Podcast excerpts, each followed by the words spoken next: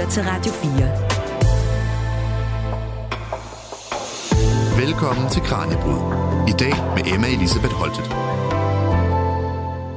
Når jeg tænker på døden, så tænker jeg først og fremmest på begravelsen. Altså på alt det, som døden tager med sig i graven, og på alt det, man har mistet. Men det er ikke alt, der går tabt. For selv når det eneste, der står tilbage som vidnesbyrd for det levede liv, er den afdødes krop, så kan kroppen rumme et ulæst kapitel om, hvorfor døden indtraf og hvordan det er sket. En information, der ikke nødvendigvis kun er brugbar for de pårørende, men også for samfundet. Der kan være mange grunde til, at et liv går bort. Det kan være på grund af sygdom, måske noget arveligt, eller hvis der er sket en forbrydelse. I dagens program, der skal vi ind på Retmedicinsk Institut, hvor de døde observeres, registreres, dokumenteres og obduceres. Vi skal høre, hvordan det foregår, når et lig kommer under kniven, men også hvorfor nogle lig skal undersøges, når andre ikke skal, så vi kan få svar på, hvordan de døde kan hjælpe de levende. Mit navn er Emma Elisabeth Holtet. Velkommen her til dagens Kranjebrød. Du lytter til Radio 4. Og med i dagens program har jeg Jytte Banner på en forbindelse i København. Hun er professor i patologi og speciallæge i patologi og retsmedicin på afdeling for retspatologi ved Retsmedicinsk Institut på Københavns Universitet. Jytte, tusind tak, fordi du var med. Tak. Kan vi lidt kort lægge ud med at dykke ned i det her med, hvordan de døde kan hjælpe de levende sådan helt overordnet set? Man kan sige, øh, det er jo altid væsentligt at finde ud af, hvad, hvad et menneske dør af, øh, eller en gruppe af mennesker, der dør af det samme. Øh, hvad kan forklaringen på det være? Øh, det er det ud fra en betragtning om, at jo mere vi ved om, hvad der forårsager døden, jo bedre kan vi jo hjælpe de levende for, at de formentlig ikke skal udsættes for den samme type af, af dødsfald det her det er altså som sagt temaet for programmet i dag, så vi kommer ind på det senere her i løbet af snakken. Og jeg tænker, at vi skal starte nu ved sådan begyndelsen af den her samtale, nemlig når døden indtræffer. Hvordan bliver man konstateret død i Danmark?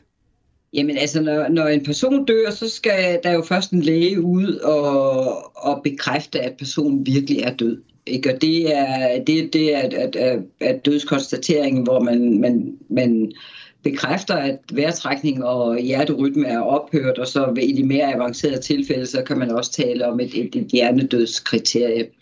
Når man så øh, har fået det bekræftet, så skal du lave den endelige konstatering af død. Og det er en, en ting, der, der foregår i Danmark. Det er der, hvor man sikrer sig, at tegnene på, at en person er død, er indtrådt. Altså er der opstået dødstivhed, er der opstået det, der hedder ligepletter, eller er, der op, altså er det sågar gået så lang tid, at man, man også i nogle tilfælde kan se, at der er indtrådt en, en vis grad af forrødelse. På det tidspunkt, øh, der kan du så udfylde dødstest på, på vedkommende. Ikke? Øh, der bekræfter du, at du er helt sikker på, at personen er død ved at registrere de der tre øh, indtruffende tilstande, mm. øh, jeg lige har nævnt. Øh, og det er også der, at du vanligvis kommer med et bud på, hvad du som læge skynder, at øh, dødsårsagen har været. Så er der en øh, stribe af omstændigheder ved et dødsfald, som gør, at det skal anmeldes til politiet. Mm. Og det er jo selvfølgelig der, hvor der er tale om et drab, eller man har mistanke om, at det er et drab, eller der er foregået en kriminel handling det er, hvis der er tale om, at omstændighederne har været en, en ulykke, og hvis det har været et selvmord, eller hvis en person dør pludselig og uventet. Øh, øh, og der kan man jo sige, det gør de fleste jo næsten uanset, hvad, hvad måde det foregår på, men det er så i lægelig forstand, altså at det er en restperson, der dør pludselig uventet. Eller hvis en person bliver fundet død, altså ikke er observeret at, at, at, at, at dø, eller at der ikke på forhånd har været nogen, der ligesom jævnligt har kigget til personen, fordi personen har været syg. Det vil også øh, dreje sig om, om narkorelateret dødsfald. Ja. Øh, og det, det altså beskrevet i cirkulære øh, og ligger lidt uden øh, for lovgivning. Og så vil det være dødsfald, som man har mistanke om at følge af behandling i, i sundhedsvæsenet eller andre institutioner, der ligesom ligger inden, inden for, for pleje og, og sundhedsområdet. Det vil også være dødsfald i kriminalforsorgens varetægt.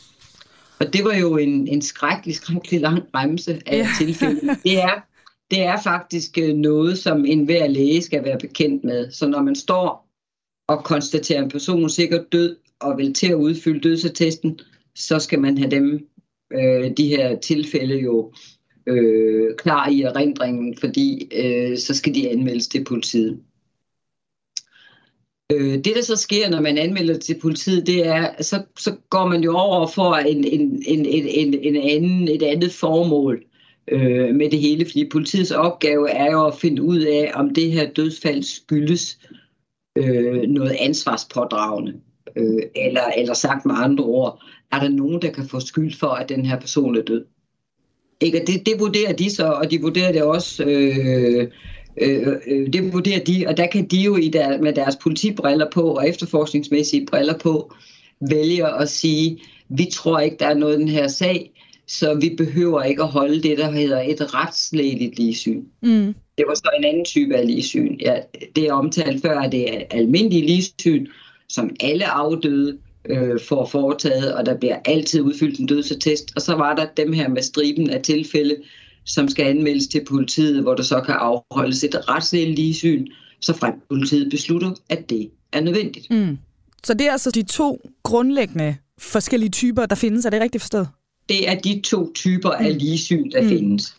Når så det retslige ligesyn skal afholdes, så foregår det i samarbejde med politiet, og som oftest en, en læge fra Styrelsen for Patientsikkerhed. Mm. Men her i relation til det institut, jeg er ansat på i København, så er det også som retsmediciner, der afholder det på vegne af Styrelsen for Patientsikkerhed sammen med politiet. Mm. Så kan man sige, hvad foregår der så ved det ligesyn? Jamen der foregår det, der foregår ved et hver ligesyn, at man, man, man undersøger den afdøde udvendigt, for at være sikker på, at, øh, at, at der ikke er skader øh, som kan forklare døden. Og når nu det er et retslægeligt synes, så registrerer man jo, hvad, hvad ser man udvendigt. Man har oplysninger om, hvad, hvad personen har, har fejlet tidligere, altså ved at politiet har afhørt egen læge, eller har skaffet journaler fra, fra hospitalet, hvis personen for nylig har været øh, indlagt. Og så beslutter man i fællesskab, om om man har forklaring nok på dødsfaldet, når man har lavet det her retslægelige syn. Mm. Og nu siger jeg, at man beslutter det i fællesskab. Det er ikke helt rigtigt. Det er politiets beslutning, om der skal laves en retslægelig eller retsmedicinsk obduktion. Okay, ja. Og der skal man jo hele tiden huske, at, at politiet øh, laver obduktioner. Altså der har de også et regelsæt for, hvornår skal det foregå. Jamen det skal selvfølgelig foregå, når man ikke kan afgøre det, vi kalder dødsmåden det bliver lidt teknisk det her, men vi opererer med flere forskellige måder at dø på i Danmark. Altså mm. du kan, du kan dø som følge af nat, altså, naturlig død. Det vil sige, det er en, en, en sygdomsbetinget mm. øh, årsag, øh, man så vil finde. Du kan dø som følge af ulykker, du kan dø som følge af selvmord og drab, og så kan man også være i tvivl mm. om, hvad dødsmåden er. Det vil typisk være der, hvor man ikke kan afgøre, om det er en ulykke i forhold til, at man er blevet forgiftet med noget medicin eller narkotika, eller man intenderet har taget for meget, og så bliver det til et selvmord. Øh, så skal de øh, bede om en obduktion, men det er også, hvis man er for usikker på dødsårsagen, og så selvfølgelig, hvis de synes, at, at det her det kunne lugte af, at der er foregået noget kriminelt. Mm. Mm. Så altså, som du fortæller, der er jo meget, øh, der skal til for, at der så bliver bedt om en obduktion. Hvad sker der så her? Altså, hvad er forskellen så på obduktionen og ligesynet for eksempel? Jamen, forskellen på obduktionen og ligesynet, det er, at ligesynet er jo en udvendig besigtelse af afdøde, og, og at man læser op på, hvad man har af viden øh, omkring den, den afdøde sundheds-, sygdoms- og, og, og, færd, og, og i forhold til vedkommendes færden op mod dødsfaldet.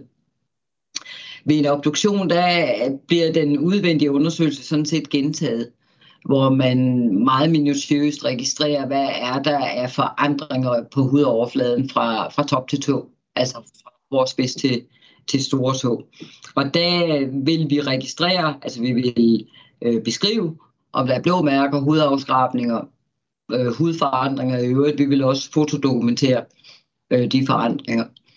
Når man så er færdig med det, så øh, vil man ved en obduktion øh, åbne den afdøde som en form for en, en, en stor operation, altså hvor man lægger et langt snit øh, ned på forsiden af afdøde, og det gør man for at kan tage organerne ud af den afdøde. Øh, og når de så er taget ud, så vil øh, obducenten eller retspatologen øh, undersøge hver enkelt organ og, og de, de væsentlige øh, karstrukturer og se efter, om der er skader på dem, men også hvilke typer af sygdomsforandringer der er. Og det vil alt sammen blive beskrevet og noteret og fotograferet. Og, øh, når man så er færdig med at undersøge det, så bliver det hele lagt tilbage i den afdøde igen. Øh, og, og den afdøde bliver syet pænt sammen, ligesom når man syr sammen efter en operation, bliver øh, gjort i stand. Øh, også på en sådan måde, at øh, de pårørende kan, kan se den afdøde, selvom der er foretaget en obduktion. Det, der så sker efterfølgende, det er, at vi, vi udfærdiger en erklæring, hvor vi beskriver alt, hvad vi har fundet, øh, og så konkluderer vi på de ting, vi har fundet. Og der kan man sige, de erklæringer, vi laver, det er jo til politiets brug, fordi det er politiet, der har bedt os om at lave obduktionen. Så, så vi konkluderer jo på, hvad vi tænker, at øh, dødsmåden er, og også hvad den, hvad den mest sandsynlige dødsårsag er. Og hvis der er nogle forandringer, som kræver mere forklaring, øh, som vi har fundet, så vil vi også øh, komme med forklaringer på det. Du lytter til Radio 4. Vores erklæringer de øh, indgår jo så i politiets videre efterforskning af det her dødsfald. Øh, men de kommer jo også til at indgå i statistikken af, af dødsårsager, altså den danske dødsårsags statistik, fordi vi udfylder, færdig udfylder jo ligesom også dødsattesten. Mm, mm. Så når man, når, man, når man siger, hvad er den hyppigste dødsårsag hos danskere, så beror det jo på, hvad forskellige læger herunder også retsmedicinere har skrevet på dødsattester. Du lytter til Kranjebrud på Radio 4. Jytte, inden vi kommer videre til at tale om det her med, hvordan de døde de kan hjælpe os øh, levende, så er jeg altså ret interesseret i at høre mere om øh, dig og også din forskning. Hvordan begyndte din faglige interesse egentlig? Jamen, øh, ja. Men den startede allerede, da jeg var medicinstuderende, hvor man på, på, på, på den sidste del af medicinstudiet får, skal have en masse øh, ophold på, på sygehusafdelinger eller på, på kliniske afdelinger. Og i den øh, sammenhæng, så får man også en valgfri måned, hvor jeg valgte øh, at tilbringe tiden på, på Retsmedicinsk mm. Institut i Aarhus og, og synes jo, det var øh, vanvittigt meningsgivende at arbejde som retsmediciner. Øh, fordi det jo ligesom er et, altså på en eller anden måde et meget bredt fag, øh, hvor du skal vide rigtig, rigtig mange ting. Du skal jo kende til stort set alle former for sygdomme og øh, organforandringer. Mm. Du, øh, altså det du, det du, du ligesom laver får betydning øh, på, på mange fronter. Det får jo øh, for det første, og nok også noget af det vigtigste, det får jo betydning for de pårørende. Mm. Både at du er med til at komme med et svar, der kan, der kan give dem en eller anden form for forståelse af sagen, eller det man på engelsk kalder closure. Mm. Altså at få spundet en ende på det her. Ikke? Der, der er en forklaring på det her. Ikke at det gør tingene mindre sørgeligt, eller, eller, eller afsavnet bliver, bliver større, men, men, men man kan komme med en forklaring. Det andet er jo, at du... Øh, at, der, at jeg allerede på det tidspunkt synes, at der var jo et enormt forebyggende potentiale mm. øh, i det her fag. Altså på det tidspunkt, da jeg var, var, var ung, der øh, obducerede man langt flere øh, afdøde på baggrund af trafikulykker, end man, man desværre gør i dag. Okay. Det, og man jo kan sige, jamen, hvad har det så bidraget til? Jamen, jamen, der kan man jo bare prøve at forestille sig, hvordan ved øh, bilindustrien blandt andet, hvilke sikkerhedsforanstaltninger de skal indbygge i bilerne. Mm. Altså det ved man selvfølgelig på baggrund af, at de skadesmønstre, som folk øh, viser, når de har kørt galt, men jo også hvad man finder som retsmediciner, altså hvornår de dødelige de skader. Mm. Altså hvorfor er det farligt ikke at have en sikkerhedssel på? Jamen det er det, fordi ellers så får man ved, en sammen, ved et sammenstød øh, retstammen ind i brystet, og så beskader man lunger og hjerte. Ikke? Mm. Eller også øh, slår man hovedet ind i, i, i forruden. Ikke? Og derfor er det måske også ret smart, at man har opfundet airbags øh, og så videre. Bare som, som, som et eksempel. Ikke? Og må jeg lige spørge ind til det, fordi det lyder jo som noget, der er meget gavnligt for os levende at finde ud af, netop ved, ved øh, undersøgelse af trafikoffre. Hvorfor gør man det ikke i samme grad i dag? Jeg tror ikke, man gør det, fordi man, altså der kan være mange, mange årsager til det. Altså øh, noget af det, som kan være en af forklaringerne, det er jo, at, øh, at, at teknologien udvikler sig, og, og man bliver også bedre til at redde liv, mm. selvom der har været voldsomme trafikulykker, og der er også rigtig meget dokumentation, der ligger i, i, i, i sygehusvæsenet og fra traumecentrene osv. Øh, men skal jeg være helt ærlig, så handler ting jo nok også om penge. Ikke? Mm. Og du var egentlig i gang med en fortælling, Jytte, inden jeg, jeg afbrød. Ja. Øh, hvordan du endte i faget? Jamen, jamen, jeg endte som sagt i faget, fordi jeg synes, at det talte rigtig meget til, til den her brede, øh, brede anvendelse af mit, af, mit, af mit virke som læge. Mm. Øh, og det talte ind til, at øh, der var et kæmpe forebyggelsespotentiale. Det talte også ind i, at man, man var struktureret og detaljeret og systematisk og analytisk øh, i sin tankegang, og at man var nødt til også eller man havde i hvert fald mulighed for at fordybe sig i nogle områder, som man synes var, var specielt interessante. Mm. Så, så det tror jeg var hovedargumenterne øh, i det. Så tror jeg egentlig også, at noget af det, som, som, det, altså, som var noget, der fyldte meget på det tidspunkt, hvor jeg gik ind i faget, det var, det var vuggedød. Mm. Som var, var, altså, hvor, som var den hyppigste dødsårsag blandt, blandt småbørn på det tidspunkt. Ikke? Det var jo, det var jo det var sådan en størrelse, hvor man, man tænkte, det der er der nogen, der må kunne finde ud af, hvad årsagen er til det. Altså fuld af håb og fuld af, af ung energi. Ikke? Og det er vel netop noget af det, man har til dels fundet ud af i hvert fald. ikke. Vuggedødstilfældene er i hvert fald faldet drastisk i Danmark. Ja, det er korrekt. Det, det er jo netop noget af det, som blandt andet via forskning, også fra retsmediciner verden over, mm øh, og, og selvfølgelig også ved brug af, af, af forskellige registerdata, så fandt man jo heldigvis ud af, at der var at den største risikofaktor for, for vuggedød, det var, øh, hvis børnene blev lagt til at sove på maven. Noget, som sjovt nok opstod som, som en, en anbefaling til mm. bedst, bedst øh, praksis i forhold til at håndtere spædbørn, ja. øh, som nok har beroet på, at man på det tidspunkt blev bedre og bedre til at få for tidligt født til at overleve, og for dem var det en god idé at lægge dem på maven, mm. fordi så kan de holde meget bedre på varmen. Øh, det, ved, det er også noget, der er kendt. Hvis man falder i koldt vand, så er det med at, at krybe sammen, fordi så holder man bedre på, på kropstemperaturen. Men det viste jo så måske at være en rigtig, rigtig dårlig idé for børn født til tiden, og mm. som i løbet af de første par måneder også får et, et, et godt fedtlag på kroppen fordi der vil maveleje faktisk for, forhindre, at de øh, får afgivet tilstrækkelig varme. Mm. Som en af forklaringerne, uden at, at det mig bekendt er koden ikke knækket i forhold til, om det er det her, der er den regulære forklaring. Det man ved, det er, at antallet af vuggedød faldt markant, da man ligesom anbefalede at ændre ligestillingen for spædbørn. Mm. Og apropos unge, i hvert fald, lad os sige, at vi, vi er unge, os der er under cirka 50, øh, de unge under 50, der dør uventet, dem obducerer I, fordi man måske kan mistænke noget, noget arveligt.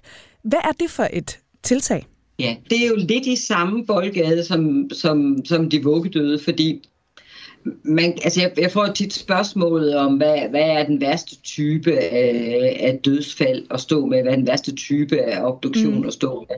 Og det har jeg svært ved at svare på. Der er som sådan ikke nogen, der er værst. Der er bare nogen, der kommer mere ind under huden på en end andre. Og nogle af dem, det er blandt andet der, hvor du står og har lavet hele dit undersøgelsespanel og lavet obduktionen, og du kan ikke svare på, hvad vedkommende er død af det var jo i virkeligheden det, der var tilfælde for de vuggedøde, og så kan man sige, det har jo også hele tiden været tilfælde for, for yngre mennesker, mm. som bliver fundet pludselig uventet døde, altså dem du taler om der, øh, unge under 50. Ikke, hvor man står med, med, med, med normale fund, der er ikke noget, man med det blotte øje kan se, der er galt med det her hjerte, men, men de er ikke desto mindre døde. Mm. der øh, er der jo med årene jo øh, kommet betydeligt meget mere viden om, øh, at man jo rent faktisk godt kan dø af en hjerterelateret lidelse, uden at det er synligt på hjertet. Øh, fordi det ligesom ligger inde i cellen, og det er noget med de elektriske impulser og med ioner, der styrer elektriciteten, som er reguleret af, af nogle gener, som kan være defekte, mm. og som kan være arvelige. Og, der giver det jo rigtig, rigtig meget mening, at vi er lykkedes med at, også at kunne tage obduktioner, som ikke kommer fra politiet, men som kommer fra regionerne øh, i tilfælde af pludselig uventet død hos yngre, hvor man har mistanke om, at det kan være en aflig mm. øh, årsag. Fordi det jo er uhyre vigtigt øh, at få, få de pårørende ind, enten til en besked, der hedder, det var rent faktisk ikke noget arveligt, din pårørende døde af, eller det kunne det godt være, og nu undersøger vi hele familien, så vi, vi kan afværge, at der er nogen, der lider samme skæbne. Ja. Ikke? Og i, i den kontekst, der har det jo stor betydning, og det ved vi, altså fordi vi, vi taler jo med de pårørende, øh, og har et tæt samarbejde med klinikerne øh, øh, ved de her opgaver. Så selvfølgelig har det stor betydning øh, for de pårørende, også den der bekymring, der opstår øh, mm. fra, fra sæt forældre, som måske har flere børn, øh, og lige har, har mistet øh, et, og det kan være jo forældre med voksne børn også, ja. ikke? Øh, og det har jo også, jeg synes jo også, det, det er sådan sundhedsøkonomisk har en kæmpe betydning. Mm. Altså dels så øh, får du langt hurtigere et svar på, om den her familie skal være bekymret. Og på den der måde, så kan du undgå at have en hel familie, der går bekymret rundt i overvis, fordi de ikke har fået et svar. Eller have en hel familie, der går til talrige undersøgelser, hvor de ligesom ikke kan få et svar, fordi man ikke vidste, hvad den her unge pårørende var død af. Ja. Øh, eller også så kan det være en hel familie, som får et svar, hvor man så går ind og, og har et behandlingstilbud, eller i hvert fald et kontroltilbud, mm. eller, pace, eller en pacemaker, eller hvad, hvad det nu måtte, øh, måtte give, give mening. Ikke? Så det, det synes jeg jo er et af de, ikke hvad jeg skal formulere det, det er, det er jo set med mine øjne et, et, et rigtig fantastisk mm. tiltag, mm. Som, som vi sammen med, med hjertelægerne er, er lykkedes med at have, have fået indført. Ikke? Bestemt. En anden gruppe, som vi, vi lige skal nå at, at snakke om, Jutta, det er jo ikke særlig mange år siden, at coronapandemien den brød ud. Så altså, jeg kan også forestille mig, at der må have været dødsfald her, der i hvert fald i en periode var værd at, at undersøge. Hvad skete der, og kunne man bruge de her dødsfald til noget? Jamen, det er korrekt. Altså, da, da coronaepidemien rasede, der, øhm, der opstod der i starten, altså alle, hvad skal man sige, alle var jo lige uvidende om, hvad det her var for en størrelse, den her virus var for en ja. størrelse. Og det fik vi jo mærke på kroppen alle mænd, altså med forskellige former for anbefalinger og restriktioner, hvis man var blevet smittet. Og der kan man sige, det, det smittede sådan set også af på håndtering af de afdøde. Altså fordi der også opstod en angst for, om, om de ville kunne smitte. Mm. Øh, dem, der håndterede de afdøde. Så, så i virkeligheden så havde vi en virus, som jo var verdensomspændende og også var kategoriseret som en pandemi med en hel masse restriktioner. Men man, man havde ikke kategoriseret den som en virus, øh, der ligesom skulle udløse, at der skulle foretages en obduktion Nej. På, på, på dem, der måtte være død af den der virus. Øh, øh, vi fik obduceret nogen, men jo langt færre end, end, end dem, der rent faktisk døde af mm. corona, fordi at politiet har jo ikke nogen interesse i at få dem obduceret, og, og sundhedsmyndighederne har heller ikke nogen interesse i, og det kan de nemlig. Sundhedsmyndighederne eller styrelsen, altså Sundhedsstyrelsen kan trække det kort, der hedder, at her har vi en helt usædvanlig situation, så her vil vi gerne øh, altså af samfundsmæssige hensyn have, at alle de her typer af dødsfald bliver obduceret. Det gjorde de så på et senere tidspunkt til gengæld øh, i forhold til dødsfald, der kunne være relateret til vaccinationerne. Mm. Så, så dem har vi også obduceret en masse af. Det lyder så kynisk, men fik man noget ud af de dødsfald? Altså blev der genereret noget øh, viden, eller var det i virkeligheden så begrænset en mængde, at det ikke var tilstrækkeligt? Altså man kan sige, at der, der, altså på, hvis vi snakker om de covid-relaterede mm. dødsfald eller corona-relaterede dødsfald, så øh, lykkedes det altså også at få en fondsbevilling øh, til at, at, at lave nogle mere dybdegående analyser, og de er i gang stadigvæk. Okay. Øh, det, nogle af de forløbige resultater, vi har fra det, det er, at vi... Øh, at, at vi synes, vi var nødt til at, at, at finde ud af, om, om den her virus faktisk kunne overleve på en død, død vært. Mm. Altså forstået på den måde, kunne en afdød smitte videre. Ja. Og, og der har vi rigtig mange podninger fra, fra afdøde, som ret klart viser, at det kan den ikke. ikke? Og det, det, det kan man sige, nå, nå. Ikke? Men, men altså for, for mig som patolog, altså, og i virkeligheden også for dem, der i kapellerne og på hospitalerne skal håndtere øh, den her type af dødsfald, der er det jo væsentlig viden. Ja. Øh, det vi også har fundet ud af, det er, at det kan se ud som om, at, at dem, der ligesom mistede lugtesansen, det giver nok lidt sig selv, fordi der sidder jo nogle lugte hjernenerver op i hjernen, at de også har haft en affektion i, i hjernen af den her virus, uden at det selvfølgelig behøver at betyde, at de har, har men af det. Øhm, det ser også ud som om, der var også en bølge, der, der, der ligesom mente, at man døde af en betændelse i hjertemuskulaturen. Det ser det heller ikke ud til, at vi kan, vi kan genfinde på mm. de her typer af dødsfald. Øh, så, og så er der en hel masse undersøgelser, som fortsat kører, hvor vi ikke har øh, resultaterne endnu. Men, men altså, altså jeg, jeg tænker jo, jeg synes sidder stadigvæk her og synes, det er lidt underligt, når man har en ukendt sygdom, at man ikke benytter sig af mm. Mm. at foretage de her obduktioner, fordi det ville have givet alle muligheder for at få, få bedre viden Mm. om den her sygdom, også på, på organniveau, men også på cellulært niveau. Ja. Lige om lidt, Jytte, der skal vi dykke ned i noget andet, nemlig i forhold til obduktioner på dyr. Men inden da, der vil jeg gerne stille dig et, øh, et lidt stort spørgsmål. Hvilke etiske overvejelser er det, der er i spil, når vi også har med de her obduktioner at gøre? Altså om det så er politiet, der beder om det, eller sundhedsmyndighederne? Ja, men etik er jo en, det er en stor ting, og det er også en svær ting. Det væsentligste etiske issue for mig, det er at behandle den afdøde værdigt og med respekt. Mm. Øh, fordi at den afdøde altid, uanset alder, repræsenterer et liv, der er levet. Øh, og også har nogen derude, som holder af det, Mm. af vedkommende, øh, og, og savner vedkommende. Mm. Ikke? Så, så det kan jeg jo så også, nu når jeg har muligheden, sige, at, at det gør vi. Øh, fordi hvis ikke du gør det, så kan du heller ikke være i det her fag. Altså at, at, at, at det er øh, det at arbejde øh, med afdøde øh, og lave obduktioner, det kræver også, at du, du ligesom kigger på den afdøde som et menneske. Ja. Så kan man sige, der er jo alle mulige andre former for etik i det, ikke? Altså, der, der er jo typiske øh, pårørende og hele familier, som er dybt berørt af, af det her dødsfald. Og som du jo, som den der first liner du er, og det er jo så specielt vores retsmedicinske teknikere, der, der tager imod dem og, og, og varetager øh, fremvisningerne, hvis de, de skal ind og sige mm. sidste farvel. Sådan noget der. Der, der, der skal man jo også have, have have en ordentlig moral og en ordentlig etik for at kan håndtere familier i sorg og i krise, Ja. øh, kan man sige. Øh, hvis vi bevæger os lidt et andet sted hen, altså hvor vi, vi taler om forskning, altså på, på obducerede og på afdøde, der, øhm, altså der, der skal der jo altid foreligge en tilladelse fra de pårørende til, ja. at man må det.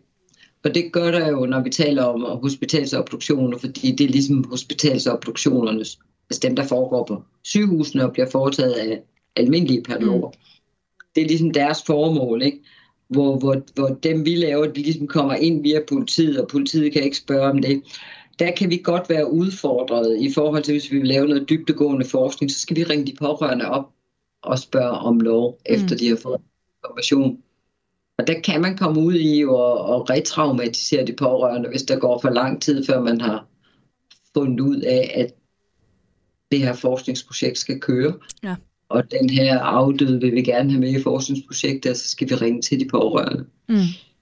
Så, så der, der, ja, der er voldsomt meget etik i det her. Ja. Men, men jeg tænker ikke, jeg tænker, hvis du, hvis du kigger på det som, som du omgås levende personer, så, så øh, er udfordringen, den største udfordring jo nok, at det, at det altid jo er, er tragiske historier, du beskæftiger dig med. Ja. Og dermed har du også et, et, et, et hold af pårørende, der, der er i krise. Ikke? Mm. I forhold til det her med obduktion, måske særligt fra de pårørende side, møder du nogle sådan typiske misforståelser omkring, hvad der skal, skal ske? Ja, men jeg ved ikke, om jeg møder misforståelser. Det, det, det, som absolut kunne gøres bedre, det var, øh, det var en, en information om, hvad det er, der skal ske. Altså fordi, når vi kommer ind over som retsmediciner og obducerer, så har politiet jo altid været ind over først. Mm. Ikke? Og, og, og, og politiet spørger om tilladelse til obduktion. Det, det er nok ret vigtigt for mig at få sagt Ja. her også. Der er mange, der tror, at det gør man bare, uden at de pårørende har sagt, ja, det sker ikke. Altså, de de bliver spurgt, og langt, langt, langt de fleste siger ja. Øh, øh, så kan det være vanskeligt for de pårørende at forstå, øh, hvad det videre forløb er, fordi så kører kommunikationen jo mellem os og politiet. Og vi må som sådan ikke på det tidspunkt tale med de pårørende, så fund og, øh, og hvor- øh, altså hvad det bliver fundet, og hvad det så betyder, det skal de pårørende have fra politiet. Ja. Ikke? Og, og mange pårørende tror også, at, at, at deres, altså den afdødes egen læge automatisk får resultaterne af obduktionen. Det gør de så heller ikke, Mm. fordi den erklæring, vi laver, går til politiet. Øhm, ikke? Så, så på den måde, jeg vil ikke kalde det misforståelser, mm. men der kan være noget manglende information øh, til, til folk, som jo er i krise. Ikke? Men, men mange ringer ind til os, øh, fordi de godt ved, at, at deres pårørende er herinde hos os. Og der kan vi jo så hjælpe dem til at sige, at det er vedkommende, og vi er færdige, og der kan ringes efter en bedemand, og hvis du vil have yderligere oplysninger, så er det politiet, du skal kontakte. Mm. Så er det ikke helt sjældent, at, at politiet faktisk selv synes, det er en meget god idé, at, at vi taler med de pårørende om, hvad vi har fundet. Ja. Øh, Så det gør vi også. Altså, så det, og det gør vi, og det, det tænker vi har et godt formål. Altså for, for mange pårørende kan det være vigtigt at, at tale med den, der faktisk har stået med deres pårørende sidst. Og også sidde lige stille og roligt ned og få stillet de spørgsmål, som, som man gerne vil have svar på, eller at, at det kan være alle mulige ting. Altså mange har brug for at vide, om, om, om vedkommende har lidt, Mm. om det har gået hurtigt. Øh, og et, et klassisk spørgsmål, der også dukker op, øh, det er, kunne jeg have gjort noget for Ja. at forhindre det? Og det kan jo være svære spørgsmål at svare på, men, men indimellem kan vi jo godt. Mm. Altså afhængig af, hvad vi finder som dødsårsag, så kan, er der jo en lægefaglig viden om, om, om det ene eller det andet har givet symptomer, eller om det ene eller det andet har haft et langt forløb, inden døden indtrådte, eller et, et kort forløb, Ja. inden døden indtrådte. Så, så der gør vi rigtig meget ud af sådan at skabe et rum, der, der ligesom er på de pårørendes præmisser.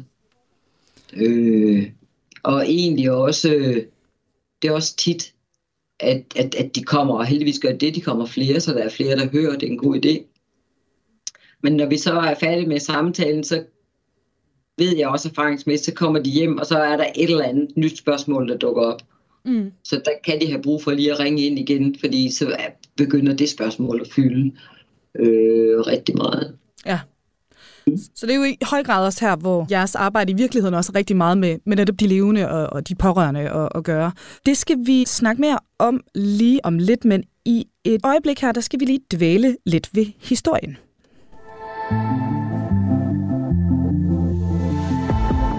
Du lytter til Kranjebrud på Radio 4.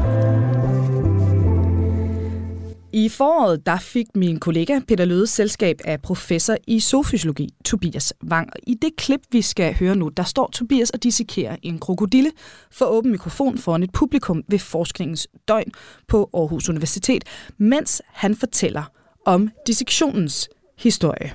Altså, det går jo altid tilbage til de gamle grækere, ikke? Ja. der ved vi, at der var dissektioner for 400-500 år siden før, før eller 400-500 år før Kristus. Mm. Der, var, der var dissektioner også af mennesker. Okay. Det holdt man så op med øh, allerede før Kristus. Sådan så man i blandt romerne ikke dissekerede mennesker, men så dissekerede man dyr. Okay. Og Galen, som er faderen til, til al anatomi, han dissekerede alle mulige dyr, men ikke mennesker. Det gjorde han så nok alligevel, men det er ikke beskrevet. Nej, for det måtte han ikke. Og så fortsatte det faktisk med, at vi ikke måtte dissekere mennesker helt, helt indtil 1500-tallet. Nå, Så det vil sige, at der var 1700 år, hvor, hvor der ikke blev obduceret mennesker. hvor vi simpelthen ikke vidste, hvad der var inde i... Øh... I princippet nej, og alt det, man vidste, var jo så forkert, fordi det var baseret på dyr. Ja, Så startede man, og det er jo noget sjovt, noget, hvad, hvad er det, der sker videnskabeligt lige mm. der omkring 1500-tallet? Men altså, der sker jo en eksplosion inden for, inden for fysik, og der sker en eksplosion inden for medicin, og der kommer jo, altså alle, hvad skal man sige, kemi er jo som fag ikke lavet endnu, det kommer først lidt senere, men ja. springer jo ud af alt det her, ikke? Der starter man med at dissekere igen, og så går det jo op for folk, fordi den måde, man normalt dissekerede på, mm. det var, at man havde en, en professor, som stod med lærebogen. Han ville så stå helt dernede, for det stank jo. Man havde Ja, ja, køleskab. Det stank af helvede til. Og så Ja, de man var rådne indeni. Så de var rådne, ja. Og så havde man en skarpretter, som så ville stå, og så ville han jo løfte organerne op og sige, det er det ene, det er det. Og det ville han jo så læse op dernede fra. Han kunne jo ikke se noget. nej. Så han, han vidste jo ikke, at han, lavede, han havde faktisk beskrev det forkert. Og publikum, de var jo relativt uddannet og fik sikkert tæsk, hvis de spurgte. så så der, der var sådan et, en, en 100 år, hvor, hvor man, kan man sige, levede i sådan en, en forvirring, ikke? Mm. Men, men hvad var det, der gjorde, man afholdt sig fra at dissekere mennesker? Det var, altså? det var religiøst syn på, at, okay. at man ikke måtte dissekere. Altså, at mennesket var særligt, at man ikke måtte dissekere. Så det var, det var den katolske kirke. Okay, Mange bidrag har den jo lavet, altså ud over øh, børn. den evige begrænsning for videnskaben. Ja, ja. ja. altså forholdet til, til, til drengekoret og til menneskelige dis- dissektioner, der, der excellerer de jo. Men, men, men så starter man altså igen her, ikke også, i, Mm. i 1500-tallet, og det er så særligt i Frankrig og i Italien. Og danskere tog jo ned i Stensen, den danske anatom, tog der ned Bartolin, tog, øh, altså alle tre generationer af Bartolinerne tog jo ned. Okay. Og, og så starter man altså øh, med at lave de her menneskedissektioner. Man gjorde det også i København, så man havde... Øh, det var særligt, når folk skulle henrettes for et eller andet. Mm. Så ville man idømme dem ikke blot, at de skulle henrettes, men at de også skulle offentligt dissekeres. okay. Men var det så en dissektion, som alle kunne komme ind og se? Det er var lidt det, ligesom øh, det her. Så havde man anatomiske teatre, så stod Okay. øh, øh, anatomen i midten og skar ud, og så sad folk og kiggede på. Jamen, det kan være, at vi skal lave det til næste år. Så. Ja, ja. Det kunne man godt overveje, ja. Det var altså Bartolin, som den, altså den danske anatom, han opdagede lymfesystemet. Han gjorde det, at han, at han faktisk bad om, at den mand, der skulle dissekeres, mm. der gav han ham et fedtrigt måltid dagen før. Det fik han lov til af kongen, og så fremtræder øh, lymfekaren jo med den der hvide farve, ikke? Nå. Så det var jo faktisk et menneskeforsøg, man Så, lavede der. så det var simpelthen showmanship. at Det var man, øh, showmanship, men det gjorde så, at han nu i dag står som opdagerne af, af lymfesystemet. Men i de her dissektioner, hvor meget af det var show, og hvor meget af det var øh, generel forskning? Det har været lidt af, der, der, har været, der har været masser af generel forskning. Okay, Men der var også noget showmanship. okay. Øh, så, så ja, der har været en blanding. Men, men, øh, men det er der jo også i dag. Men hvad har de her dissektioner så betydet for, øh, for, for vores viden den dag i dag? Altså, Jamen, det, er jo hele, det er jo hele grundlaget for medicin. Mm. Altså, du kan, jo ikke, du kan jo ikke lave noget som helst medicinsk, hvis du ikke ved, hvordan kroppen ser ud. Så i de første 300 år, der var medicin jo ikke andet end beskrivende om, hvordan ser organerne ud. Så kommer der i 1800-tallet, 1900-tallet en, en begyndende forståelse af, hvordan det fungerer. Og så kan man sige, at i dag gør vi jo det, og det er jo ærgerligt, ikke? og det er jo flot, at vi nu kan studere alle de her processer på det molekylære niveau. Vi ved, hvad for nogle gener, der udtrykkes, og hvad for nogle proteiner, der gør dit og det. Men vi glemmer jo lidt at sætte det i den kontekst med, hvordan, hvordan fungerer det faktisk i den, i den egentlige organisme. Og det er jo og det er noget, der bekymrer mig meget. Det er det der brede forståelse, den, den forsvinder. Okay, så sam, sammenhængen i det, altså at den, den, den simpelthen ryger. Ja, ja. Og det ser vi jo alle videnskaber, at folk bliver enormt specialiseret, men kan ikke se øh, skoven for bare træer. Du lytter til Kranjebrud på Radio 4. Ja, fortalt altså her professor Tobias Wang. Og til nye lyttere, der kan jeg fortælle, at min gæst i dag, der er med på en online-forbindelse, det er Jytte Banner, der er professor i patologi og speciallæge i patologi og retsmedicin. Og øh, vi dykker altså i dag ned i, hvordan de døde kan hjælpe os levende. Vi skal nu til at øh, dykke ned i et specifikt projekt, nemlig Survive-projektet. Og det øh, handler om, at øh, altså personer med psykisk sygdom, de har en nedsat gennemsnitlig levetid, og dermed også en overdødelighed på grund af øh, død ved selvmord og ulykker, men også på grund af en simpelthen øget risiko for at dø tidligt af naturlige årsager.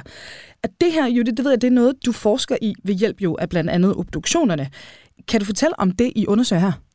Ja, men altså, det er jo et projekt, som, som vi jo faktisk øh, satte i gang allerede tilbage i 2013, øh, hvor vi jo fik nogle, en bevilling, mm. øh, som gjorde, at vi helt, helt systematisk kunne, kunne samle prøver og mål og vægte og beskrivelser ind på øh, alle, der på, i forvejen kom til en retsmedicinsk obduktion, bestilt af politiet og, og, og om hvem vi viste, at de formentlig øh, havde en, en, en psykisk sygdom. Øh, så, så der lykkedes jeg også hen over en toårig periode at ret systematisk samle data og væve ind på, på 500 øh, afdøde personer, øh, som vi formodede på en eller anden måde havde, havde, havde en, en, en psykisk sygdom. Og det gjorde vi Øh, altså, grund til, at vi synes, at det projekt, det var, fordi der var utrolig meget snak om, øh, hvad, de, hvad de måtte døde af, og hvorfor de døde for tidligt, altså hvor, hvor, hvor, hvor pandalogen kommer op i mig, ikke? Øh, og, øh, øh, og med en undren over, hvorfor snakker man om det, og det er rigtigt. Man kan trække rigtig mange ting fra vores registre, og man kan trække rigtig mange ting fra vores dødsårsagsregister også, men der skal man lige huske på, at vi obducerer utrolig få i Danmark om året, både på hospitalerne obducerer stort set ingen mere, og i retsmedicin bliver obduceret omkring 1200-1400 afdøde om året, der dør immer væk 50.000 mm. om året i dag. Mm. Så når vi tænker på, på dødsårsagsstatistikken, så beror den jo på det, der bliver skrevet på dødsattesterne, når man holder lige synet. Og det er altid det bedste skøn. Ja. Og den eneste tidspunkt, hvor det ikke er det bedste skyld på, det er, når, det, når, der, når der er foretaget en obduktion. Så, så for mig er der, og det ved vi, og det er der lavet undersøgelser på, at, at, at du ændrer på, på både de sygdomme, der bliver skrevet ind på dødsattesten, men i virkeligheden også på, på dødsårsagerne. Der, der vil der ske en ændring, hvis du valgte at obducere, fordi du vil, du vil finde ud af noget andet. Ikke? Så, så noget andet, som, som jo også kunne være væsentligt øh, at, at finde ud af med det studie, det var også, jamen, hvordan ser deres medicinforbrug ud, og hvordan ser deres forbrug af, af, af, af misbrugsstoffer ud. Og det mm. var, det var jo blandt andet også nogle af de resultater, vi er kommet med, at det er en meget svær øh, gruppe af personer at arbejde med, fordi det, det er et spørgsmål, om det er misbrugere, øh, eller det er, øh, nu kommer til at lyde lidt ordentligt. Det vi fandt ud af, det er, at der er et kæmpe overlap imellem, om de har været inden for, for psykiatrien, og men også er misbrugere, eller om det er misbrugere, der ikke er set i psykiatrien. Mm. Så, så vi fandt egentlig, at der er en, en kæmpe overrepræsentation af personer, som er, har det, man kalder dobbeltdiagnoser. Okay, ja. Og at der er en bred palette af, af både øh, lægeordineret øh, medicin mod den psykiske sygdom, men også et eksistidmisbrug. Øh, i, I hvert fald i den øh, gruppe af personer, vi så. Og der, der skal vi huske, at den er jo langt fra repræsenterer øh, alle med psykisk sygdom mm. i Danmark. Det er jo kun dem, som politiet har valgt skulle obduceres. Ja, selvfølgelig. Er der andet, I håber på, I kan trække ud af viden, som kan gavne resten af samfundet? Jamen altså noget af det, som vi også har undersøgt, det er, at, at noget af det, man også ved, det er, at nogle af de øh, medicamenter, man får mod den psykiske sygdom, de kan godt påvirke hjertet negativt, og der er en hel masse retningslinjer for, hvor, hvor tit en person, der får de medicamenter, skal tjekkes, og også med EKG. Der har vi også øh, et eller to studier, der viser, at hvis du undersøger koncentrationen af det medicament i hjertet, mm. og sammenligner det med, hvad koncentrationen i blodet er, så kan den være op til, til, til syv gange højere. Ikke? Og det, det tænker man jo ikke kan være særlig sundt, hvis det virkelig er et medicament, der også påvirker hjertets rytme. Ja. Øh, ikke? Og der tit så sker monitoreringen jo ved blodprøve, forståeligt nok. Mm. Altså, så, så der kan være et eller andet med fordelingen af de der stoffer i, i kroppen, som, måske kan forklare ja. øh, nogle af dødsfaldene. Og det må vi jo så vente og se, om det også er noget, man kan trække ud af de her undersøgelser. I vores forinterview, Jytte, der nævnte du også, at øh, der er en ulighed i vores sundhedsvæsen. Det er jo også noget, vi taler meget om i, i dag. Og hvordan relaterer det sig også til, til jeres undersøgelser og dit arbejde? Det er et stort spørgsmål. Altså man kan sige, den ulighed, som, som vi kan se, det er, det er jo, hvornår synes man, at en person skal obduceres, og hvornår synes man ikke. Altså, øh, hvis du for eksempel har en... Det er klart, at, at, at man er mere på tåspidserne, hvis det er en ung og, og ikke syg person, der dør pludselig og uventet. Mm. Men jo ældre du bliver, og jo flere kroniske sygdomme du får, og jo mere medicin du indtager, jo mindre ønsker man at obducere vedkommende, fordi så synes man ligesom, man har et repertoire af forklaringer ja. øh, på, hvorfor den her person er død, som jo langt fra behøver at passe. Fordi man jo netop undlader at obducere. Mm. Øh, specielt det ældre segment, specielt kronikerne, og specielt nok også øh, dem med psykisk sygdom. Ja, så simpelthen nogen, hvor der måske går noget viden, noget information tabt om, øh, om grupper, som på en eller anden måde underprioriteret i virkeligheden. Helt klart. Jeg ved jo, at du arbejder jo også med, med levende. Det har vi jo også været inde på. Det er jo en stor del af arbejdet, også kontakten til pårørende osv. Men du arbejder jo altså for eksempel også med børn, der er blevet udsat for vold. Hvordan hænger de her undersøgelser sammen med resten af det arbejde, I ellers laver? Ja, jamen altså, det at være retsmediciner, det forbinder de fleste som regel med, at man står og obducerer, øh, og det er jo også rigtigt, det gør man også.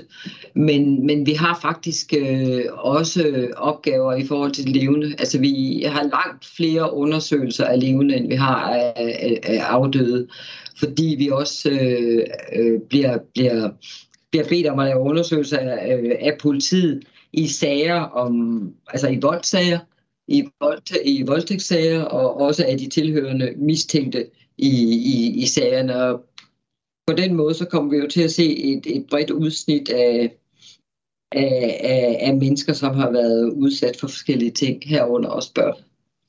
Øh, så man kan sige, hvorfor hænger det sammen? Det gør det. Fordi når man er speciallæge i retsmedicin, så er man så, så det man kan, det er, at man kan beskrive og vurdere lesioner og lesioners opståelsesmåde og også udtale sig om en eventuel farlighed af de lesioner. Og det er der brug for, at der er nogen, der kan på en nøgtern og neutral måde, fordi man skal huske på, at alt, hvad vi laver, det kan ende i en retssag, hvor, hvor nogen kan få, altså blive anklaget og dømt for at have begået den her type af vold. Øh, øh, og, og og det er ikke vores opgave øh, at, at vurdere, om det er den ene eller den anden, der har begået vold. Vi skal dokumentere på neutral og objektiv vis, hvad er det, vi ser, hvad vil være sandsynligt, at den her lesion er opstået på baggrund af, så er det det juridiske system, der afgør, hvem der har skyld i det. Øh, der adskiller vi os rigtig meget fra hospitalslæger og også fra børnelæger, hvis vi snakker om vold med børn, fordi at vi jo ligesom ikke har en patient-lægekontakt. Altså vi kommer ind vi laver vores undersøgelse, vi laver vores vurderinger, vi laver vores sessioner, vi laver vores udtalelse, og så holder vi som sådan ikke med nogen. Du lytter til Kranjebrud på Radio 4. Og det var altså professor Jytte Banner fra Retsmedicinsk Institut på Københavns Universitet, som har gjort os klogere på, hvordan de døde kan hjælpe os levende her i dagens program. Og tidligere, der hørte vi altså også fra Tobias Wang, professor i zoofysiologi på Aarhus Universitet. Vi er tilbage kl. 12.10 her på kanalen i morgen, og der handler det om mental bæredygtighed, nærmere bestemt om meditation virkelig kan fremme trivselen. Det får vi altså forskernes svar på, men indtil da er der ikke andet tilbage end at sige på genhør. Tak fordi du lytter med. Mit navn er Emma Elisabeth Holtet, og programmet er som altid produceret af Vidneslyd for Radio 4. Det er min sidste måltid. Jeg skal dø lige om lidt. Hvordan skal jeg dø? Mange vidunderlige gæster har spist deres sidste måltid hos mig. Min fars rummelighed kom lidt på prøve, da jeg sagde, at jeg havde været sammen med en kvinde. Sammen har vi talt om liv, død, om mad og om det eftermæle, som ingen af os undslipper. Jeg hedder Lærke Kløvedal, og jeg er vært på det sidste måltid. Du kan lytte med i Radio 4's app, eller der, hvor du lytter til din podcast. Radio 4. Ikke så forudsigeligt.